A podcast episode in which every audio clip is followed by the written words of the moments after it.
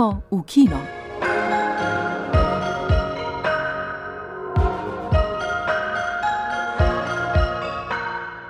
Lep pozdrav v naši tedenski oddaji v filmu. Kaj novega, vznemirljivega na festivalu v Benetkah, ki se je začel ta teden? In kaj prinaša nova sezona slovenske kinoteke, za katero upamo, da bo ostala odprta?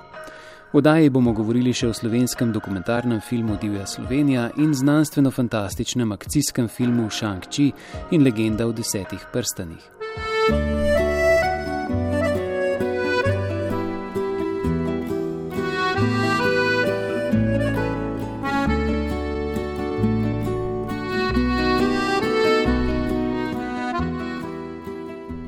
Na Beneškem otoku Lido se je v sredo odprl najstarejši filmski festival na svetu, ki poleg Kanskega velja za najpomembnejšega v svetu sedme umetnosti.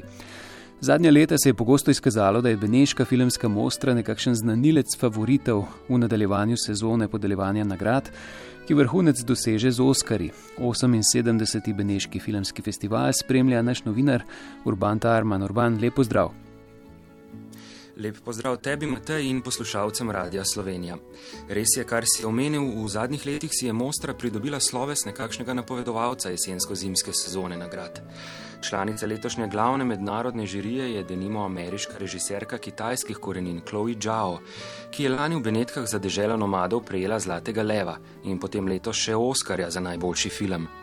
Po svetovni premjeri v Benetkah so bili v zadnjih letih zlatimi kipci nagrajeni tudi oblika vode dežela Lala, zvezda je rojena, Roma in zgodba o zakonski zvezi, če jih nekaj omenimo. Ampak ta trenutek je absolutno prezgodaj za ugibanja, kako se bo tokrat razpletel najprestižnejši del Benetk, zgodba z zlatimi levi. Smo v tretjem dnevu enajstdnevnega festivala. Kaže pa se že, kateri so najbolj pričakovani filmi letošnje 78. mostre. Naj najprej dodam zanimivost. Če sodimo po prodanih vstopnicah, ki jih novinarji, gosti iz filmske industrije in obiskovalci lahko kupimo za tri dni vnaprej, praktično za vse filme velja izredno zanimanje. Vstopnice so razprodane v hipu, v nekaj minutah in to za tri dni naprej. In takšen interes kar ne pojenja, kar po oceni nekaterih poznavalcev, s katerimi sem se pogovarjal in ki na mostro hodijo leta in desetletja, kaže na lahko bi rekli, pravo lakoto tako profesionalne kot splošne javnosti po ogledu filmov v kinu, po tretjem in pred prihajajočim četrtim valom epidemije. Optimizem, da bo kino preživel izzive COVID-a, so izrazili tudi žiranti v Benetkah. Predsednik mednarodne žirije, južnokorejski Oskarjevec Bong Joon-ho, je na sredini novinarski konferenci povdaril, da COVID ne more uničiti kina, In če se vrnem na najbolj pričakovane filme letošnje Mostre, ki jih bomo gotovo videli tudi v naših kinih, mediji izpostavljamo Božjo roko še enega Oskarjevca, Pavla Sorrentina. Njegov najbolj osebni film, postavljen v njegovo rodno mesto in tudi v njegovo mladost, ko je v 80-ih letih za Neapelj igral celo Diego Maradona in ko je Sorrentina začarala magija kina. Svetovno premiero je včeraj doživel po 12 letih prvi celovečerec z Oskarjem nagrajene režiserke Jane Campion. Film The Power of the Dog oziroma Moč psa se odmika od njenega natančnega raziskovanja ženske duše in je nekakšen psihološki western, postavljen v ameriško zvezdno državo Montana v 30 letih prejšnjega stoletja. Režiserka in scenaristka tokrat raziskuje temi ostre, osorne moškosti in potlačene seksualnosti. V glavnih vlogah zaigrajo Benedict Cumberbatch, Jesse Plemons, Kirsten Dunst in Cody Smith McPhee. Scenarij je Jane Campion napisala po istoimenskem romanu Tomasa Savagea, The Power of the Dog, ki ga v slovenskem prevodu še nimamo. I don't calculate about gender, it has to be this or that, but I, I read this book and I just thought, wow, this is an amazing piece of literature. O spolu nisem načrtno razmišljala. Prebrala sem roman in spoznala, da gre za izjemno literarno delo. Močno se me je dotaknilo, ker verjamem svetu, ki ga Tomas Sevič opisuje. Verjamem, da ga je tudi zares žival. To mi je omogočilo, da sem se poglobila van. Še posebej zadnji del je zelo znemirljiv. Zadnje čase romane redko preberem do konca, ampak tega sem in sem se zelo uživela. Very, um, V glavni tekmovalni program, pod katerega se podpisuje umetniški direktor Alberto Barbera, se vrača čilski režiser Pablo Larraín s filmom Spencer, ki je prav tako eden od najbolj pričakovanih v Benetkah. Potem, ko se je v filmu Jackie posvetil ženi ameriškega predsednika Jacqueline Kennedy, Lorraine tokrat osvetljuje še eno javno in slavno osebnost, princeso Diano, ki v obdobju, ko se je odločila osvoboditi navidezno pravličnega zakona, igra Kristen Stewart. Spencer bo danes doživel svetovno premiero, zato na prve odzive novinarjev v Benetkah še čakamo. No, prve odzive pa je že prijel otvoritveni film Madres Paralelas, usporedni materi režiserja in scenarista Pedra Almodovarja. No, kako so film sprejeli v Benetkah? Moram reči, da je bil nov Almodovarjev film izpostavljen še pred svetovno premiero, z za nekatere spornim plakatom. Na njem je namreč videti mleko, ki se cedi iz bradavice. Da je Barbera v sporedni materi izbral za otvoritveni film, pa je za Almodovarja čast in priznanje, ki so mu ga pred dvema letoma tu Benetka že izrazili zlatim levom za življensko delo. No, lahko bi rekli, da je španski sinast beneški veteran. Tu je gostoval že v začetku 80-ih z mračnimi navadami. Nekaj let pozneje so ga nagradili za scenarij žensk na robu živčnega zloma. Letos pa je zaenkrat eden od močnejših filmov v glavnem tekmovalnem programu. Z istopajočima vlogama redne članice Almodovarjevega igralskega ansambla Penelope Cruz in obetavne španske igralke Milene Smith. V sporedni materi pripoveduje zgodbo dveh samskih žensk, Janis in Ane, ki v porodnišnici rodita na isti dan. In se pozneje spoprijateljita in tesno povežeta. Poslušajmo, kaj je v filmu povedal mojster sam, Pedro Almodovar. Eh, ahora me interesan más las madres imperfectas cuestionables o al menos que atraviesan. Bolj me zanimajo nepopolne matere, takšne z izzivi, ki jih morajo rešiti. Matere iz mojih prejšnjih filmov so bile zelo drugačne. Navdih za nje je bila denimo moja mati in druge ženske osebnosti, ki so me izobrazile in vzgojile, tudi moje neposredne sosede. Vse te ženske so bile zelo močne, medtem ko je lik, ki ga igra Penelope Cruz, za me novost, ki je postala med snemanjem vse bolj zanimiva. Lik je zelo zahteven in na podlagi mojih izkušenj in izkušenj z materami, ki sem jih doslej spoznal, lahko rečem, da nekatere od njih niso imele tistega materinskega nagona. Zato je bilo za me zelo zanimivo, da sem se tokrat osredotočil na nepopolne matere. Me interesaban más este tipo de madres imperfectas. Almodovar je film posnel v svojem značilnem slogu, z ekspresivnimi barvami in scenografskimi oziroma oblikovalskimi domislicami. Z njim je znova sodeloval tudi skladatelj filmske glasbe Alberto Iglesias. Hollywood Reporter denimo piše, da čeprav v sporedni materi ne doseže ta kompleksnosti sineastovih večplastnih mojstrovin, kot so vse o moji materi ter bolečina in slava, kot melodrama uspe gledalca obdržati v napetosti in ga čustveno zadovoljiti. Drži pa tudi to, da ima Penelope Cruz izjemen nastop, ki se dotakne tudi pol pretekle španske zgodovine in podčrta spoznanje, da resnice, tako osebne in biografske kot zgodovinske, ni mogoče zamovčati in da pride prej ali slej na dan, na vkljub naporom v nasprotno smer. Preden pa se danes poslovimo, bi rad opozoril še na dober dokumentarec izven tekmovalnega programa. O Leonardu Cohenu s podarkom na ozadjih in recepciji njegove že skoraj ponarodele mojstrovine, skladbe Aleluja z albuma Various Positions iz leta 1985. Če bo film z naslovom Leonard Cohen, potovanje pesem, prišel v naša kina, sem prepričan, da bo našel svoje občinstvo kar med drugim dokazuje tudi obisk njegovih koncertov zadnje turneje pri nas in v naši bližini, kamor so romali oboževalci njegove glasbe. Celovečerni dokumentarec režiserjev in scenaristov Daniela Gellera in Dane Goldfein jih bo zgodba o pesmi Aleluja, ki jo je Cohen brusil kar sedem let, gotovo zanimal. Naj za konec dodam še to, da bo danes v sekciji Horizonti Extra svetovna premjera slovensko-italijanske koprodukcije Dekleje letelo italijanske režiserke Vilme Labate. Toliko za danes, lep pozdrav iz Benetki in se v prihodnih dneh slišimo v informativnih oddajah in oddaji Svet kulture. Hvala, Urban in lep pozdrav Benetke. Od najvišjih alpskih vrhov prek panonskih ravnic v globoke kraške jame in odmaknjene gozdove. V poletni vročini in hladni zimi, visoko v zraku in na dnu morja. Življenje, ki se ga morda niti ne zavedamo, je vse povsod. Zdaj pa k filmom doma. Ne zgodi se pogosto, da slovenski dokumentarni film doživi premjero v vseh slovenskih kinematografih.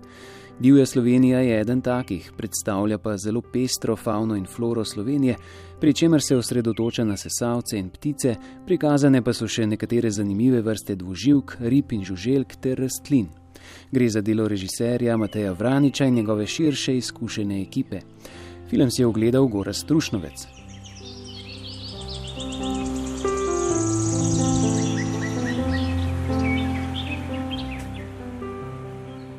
Film Divja Slovenija v štirih letnih časih prekrižari Slovenijo po dolgem in počes in prikaže žitje in bitje v petih različnih ekosistemih.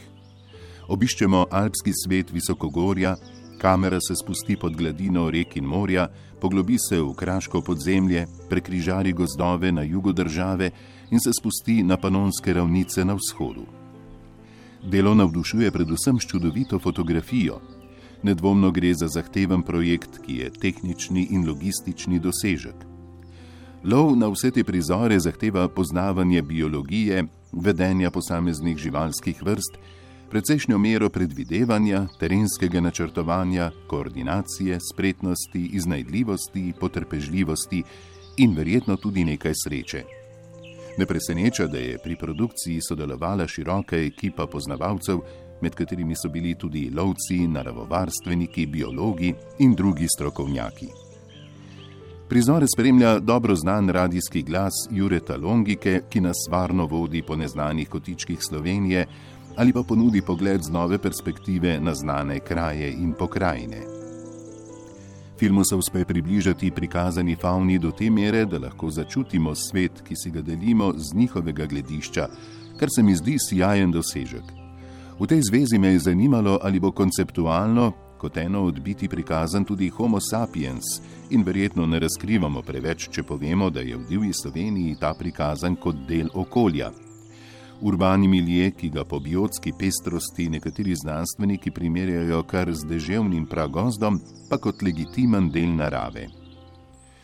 Dokumentarni film Divja Slovenija neusiljivo spodbuja večjo občutljivost in čuječnost v odnosu do okolja, ki nam je dano. Lahko da se motim, a predvidevam, da avtorji niso razmišljali o kontekstu 30-letnice samostojne Slovenije, ko so se lotili projekta. Vendar je glede na čas premjere težko povsem zaobiti to sovpadanje. Lahko se namreč ob ogledu vprašamo, kaj je resnično domoljubje morda ali pa predvsem tudi skrb za zdravo, neonesnaženo okolje, ki smo ga podedovali od prednikov, za trajnostno delovanje ob razumevanju kompleksnih procesov v naravi in za ohranitev neprecenljivega bogatstva izjemne biodiverzitete. S tem, ko se film poglobi v njen mikrokozmos, simbolično poveča Slovenijo. Obenem pa se zdi, da se je svet tudi skrčil. V 80-ih letih so nas kot šolarje vozili gledati celovečerne dokumentarce Petra Laloviča, predvsem se spomnim filmov Zadnja oaza 1983 in Svet, ki izginja 1987, ki sta ob izjemnih slikah iz živalskega sveta pretresla tudi svojo naravnost dramsko strukturo. Ta katarzična veličina presežnosti pri divji Sloveniji ob vsej njeni lepoti žal umanka. I gave you 10 years to live your life.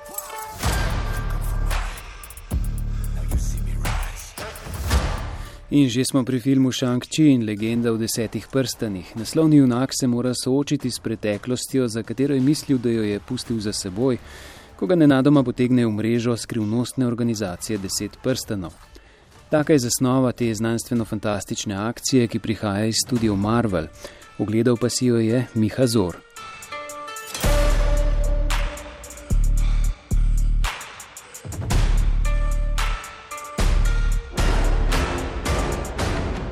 Shang-Chi in legenda o desetih prstanih nakaže, če že ne zares odpre, številna vprašanja.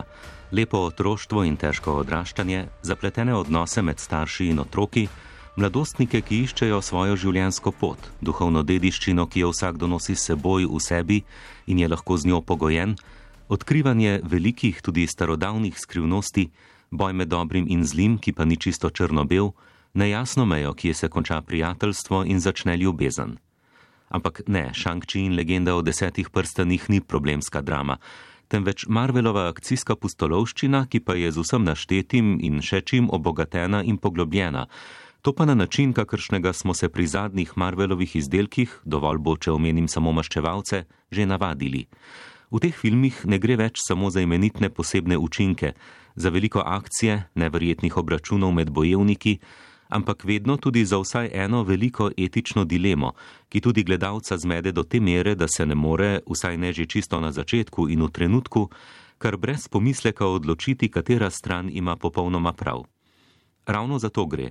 Zlobneži v teh filmih niso več samo zlobneži, ponavadi niti niso pravi pokvarjenci, ampak njihova dejanja usmerja stremljenje, ki ima samo po sebi plemenit namen, oziroma bi ga imelo v idealnem svetu, kar pa svet Marvelovih junakov, tako kot grška tragedija, ni.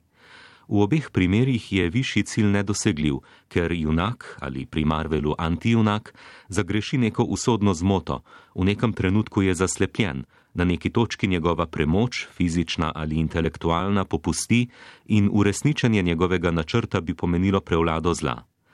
Seveda je tak antijunak zato manj smešen, manj grotesken, manj srhljiv kot recimo klasični nasprotniki agenta nič nič sedem, a takšna je najbrž scena, da ima nekaj ali kar precej človeškosti. Marvelove akcije torej svoje junake premišljeno karakterizirajo, no vsaj nekatere, drugi so jim bolj v oporo kot tipi, naprimer kot podoba ameriških vrednot, ki pa se morajo prilagoditi vzhodnjaškim, ali tradicionalnega tisočletja starega etosa daljnega vzhoda. A tudi ti liki so ustvarjeni tako, da omogočajo razvoj v karakterje, in zanimivo bo videti, kaj se bo z njimi zgodilo v napovedani vrnitvi desetih prstanov. Vseeno naj ponovim, Shang-Chi je predvsem akcijski film, a omenjene poteze omogočijo, da iz kina s seboj odneseš tudi kaj za premislek, ne le bogatih vizualnih vtisov, ki jih kajpak ne manjka.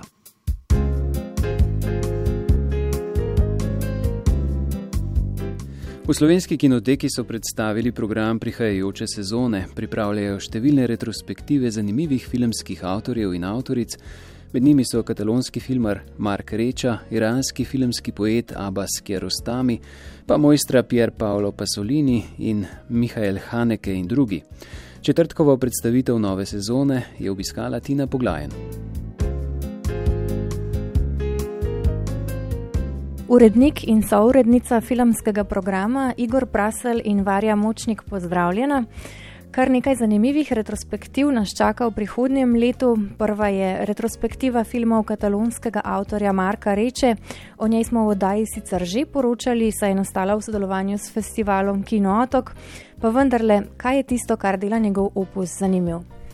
Ja, filmi Marka Reče so povsem samosvoji, že zaradi metode, na kakršno dela svoje filme, potem pa seveda tudi zaradi tematike in osebin, ki se jih loteva.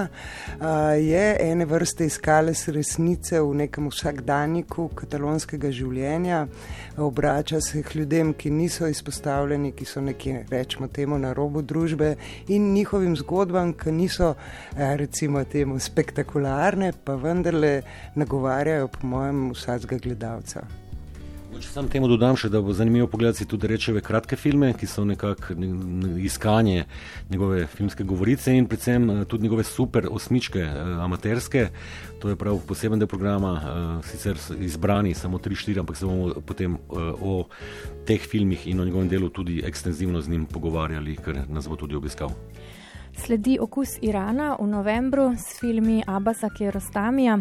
Umrl je pred petimi leti, mnogi so ga imeli za enega največjih filmskih poetov, čeprav v Iranu nikoli ni doživel zasluženega priznanja in čeprav je bil eden izmed redkih filmarjev, ki so tam ostali po revoluciji. Njegov opus je obsežen, katere filme si bomo lahko ogledali v kinoteki. Praktično gre za celostno, celotno retrospektivo, v bistvu z vsemi celovečerci, ker ostamjevi.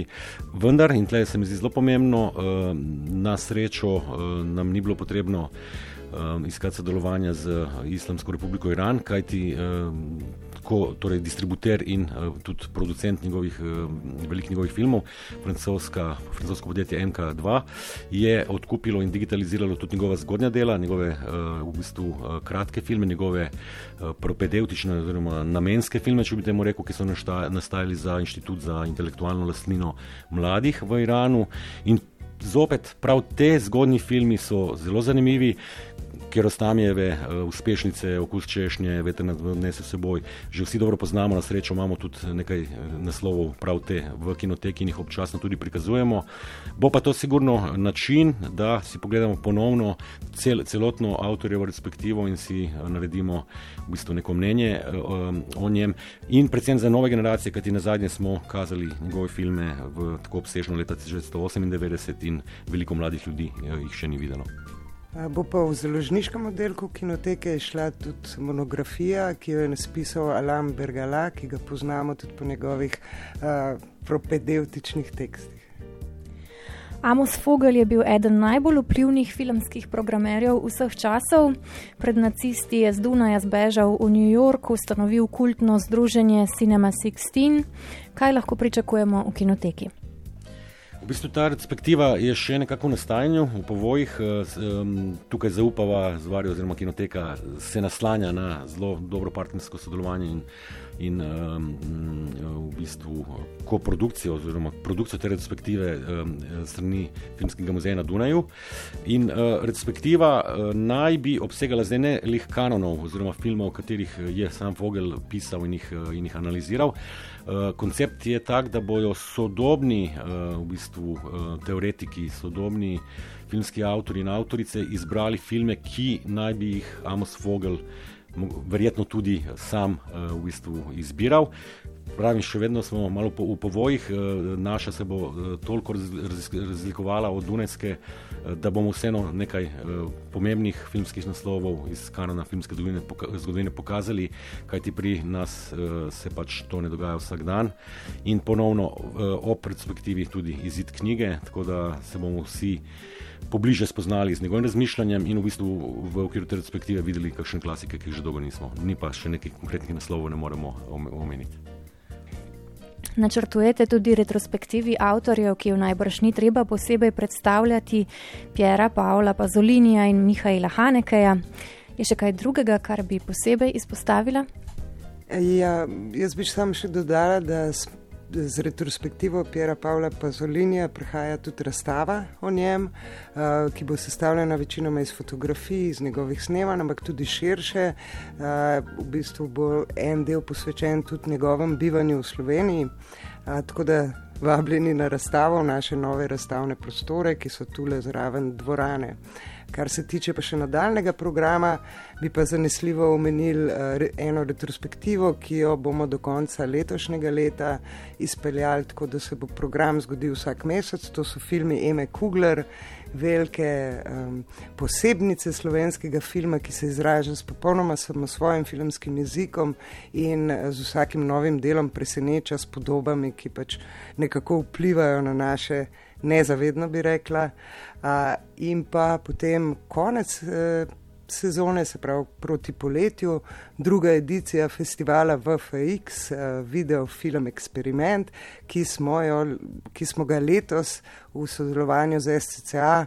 V bistvu otvorili v slovenski kinoteki zelo uspešno, z mnogimi gosti, tako programeri, kot tudi um, avtori filmov. Varja Močnik, Igor Prasel, najlepša hvala.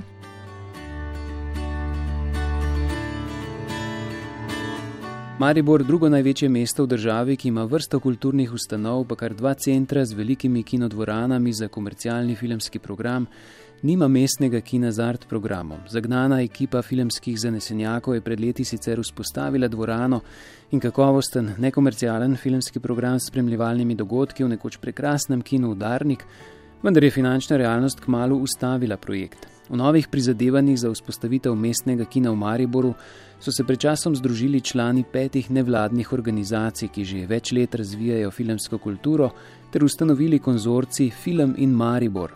S predstavnikoma konzorcija Renejem Puharjem in Mojco Pernat se je o tem, kako daleč oziroma blizu je do mestnega kina v Mariboru, pogovarjala Brigita Mohorič.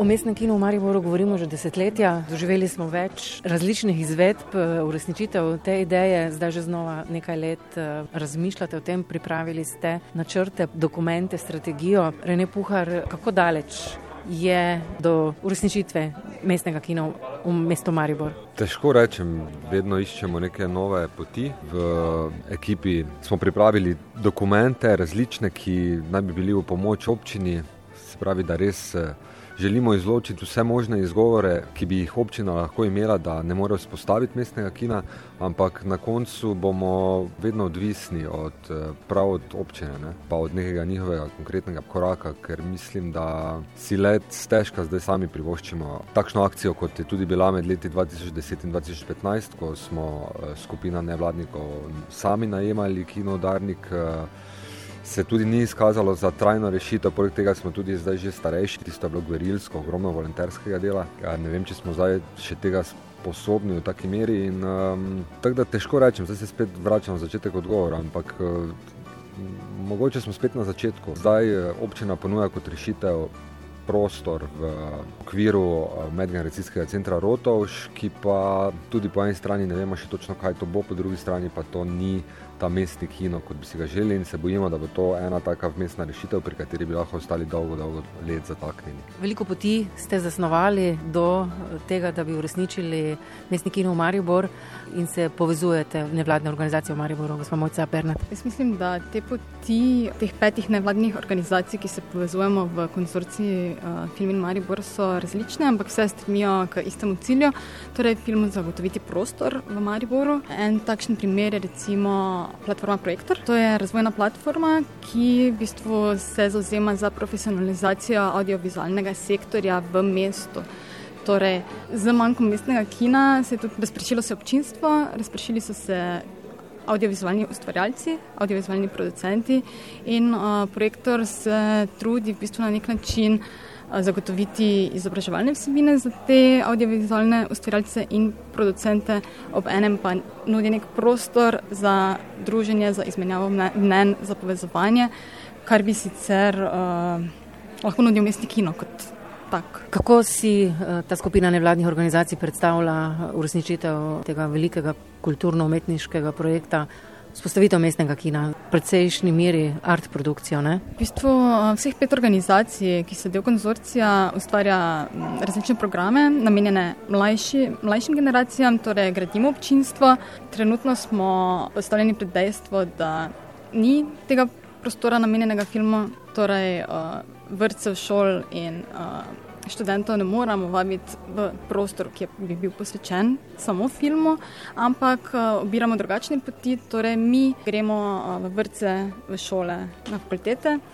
In na tak način skušamo zapolniti to vrzelno. Kako torej vidite mestni kino v Mariboru? Prostor, kjer bi se ljubitelji filma srečevali, združevali, kjer bi bil nek uh, reden program na dnevni bazi različnih filmskih zvrsti za različne publike kinotečni program, eh, najnovejši filmi, eh, sodobna tehnična obrema, povezani prostori, kot je knjižnica, mogoče nek filmski bar, kaj takega. Se pravi, prostor, ki bi ga za drugi dom vzeli tudi vsi filmski ustvarjalci v mestu, ki bi postal generator neke nove filmske scene v mestu. In pa res tudi eh, nek prostor, ki bi bil družbeno angažiran, kot neki povezane rešitve s, s trajnostno mobilnostjo, z ekologijo.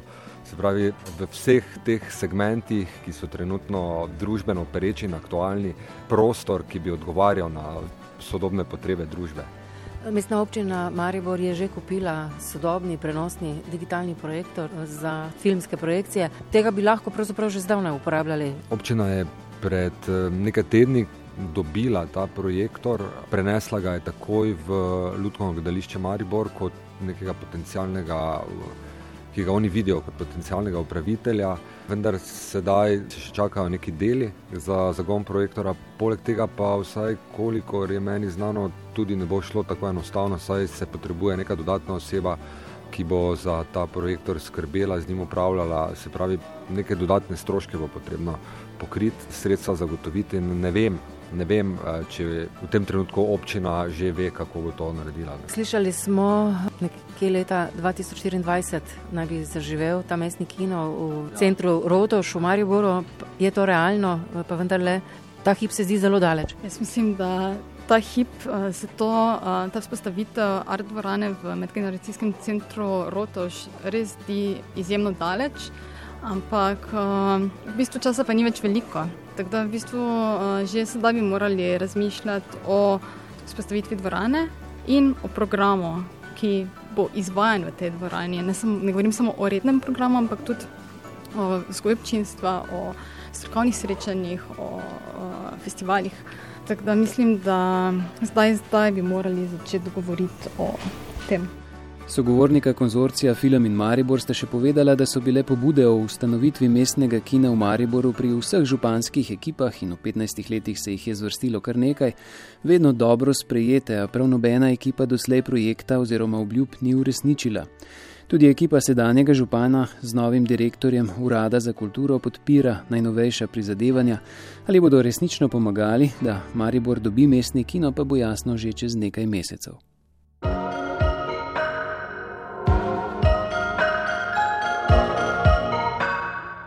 Pred koncem še novica. V torek 7. septembra bo v Cankarjevem domu svečana premjera digitalno restauriranega filma Nasvidenje v naslednji vojni Živojna Pavloviča. Pred projekcijo filma ob 18. uri pa bodo predstavili tudi zbornik Zmeraj znova, zbornik o slovenski kinematografiji, ki ga je v počastitev 30. obletnice slovenske osamosvojitve izdal Slovenski filmski center v sodelovanju s Slovensko kinoteko. To bi bilo vse v oddaji Gremo v kino, oblikovali smo jo Barbara Zupan, Ivan Lotrič, Tina Ogrin, David Lap in Matej Juh. Lepo zdrav do prihodnjega tedna.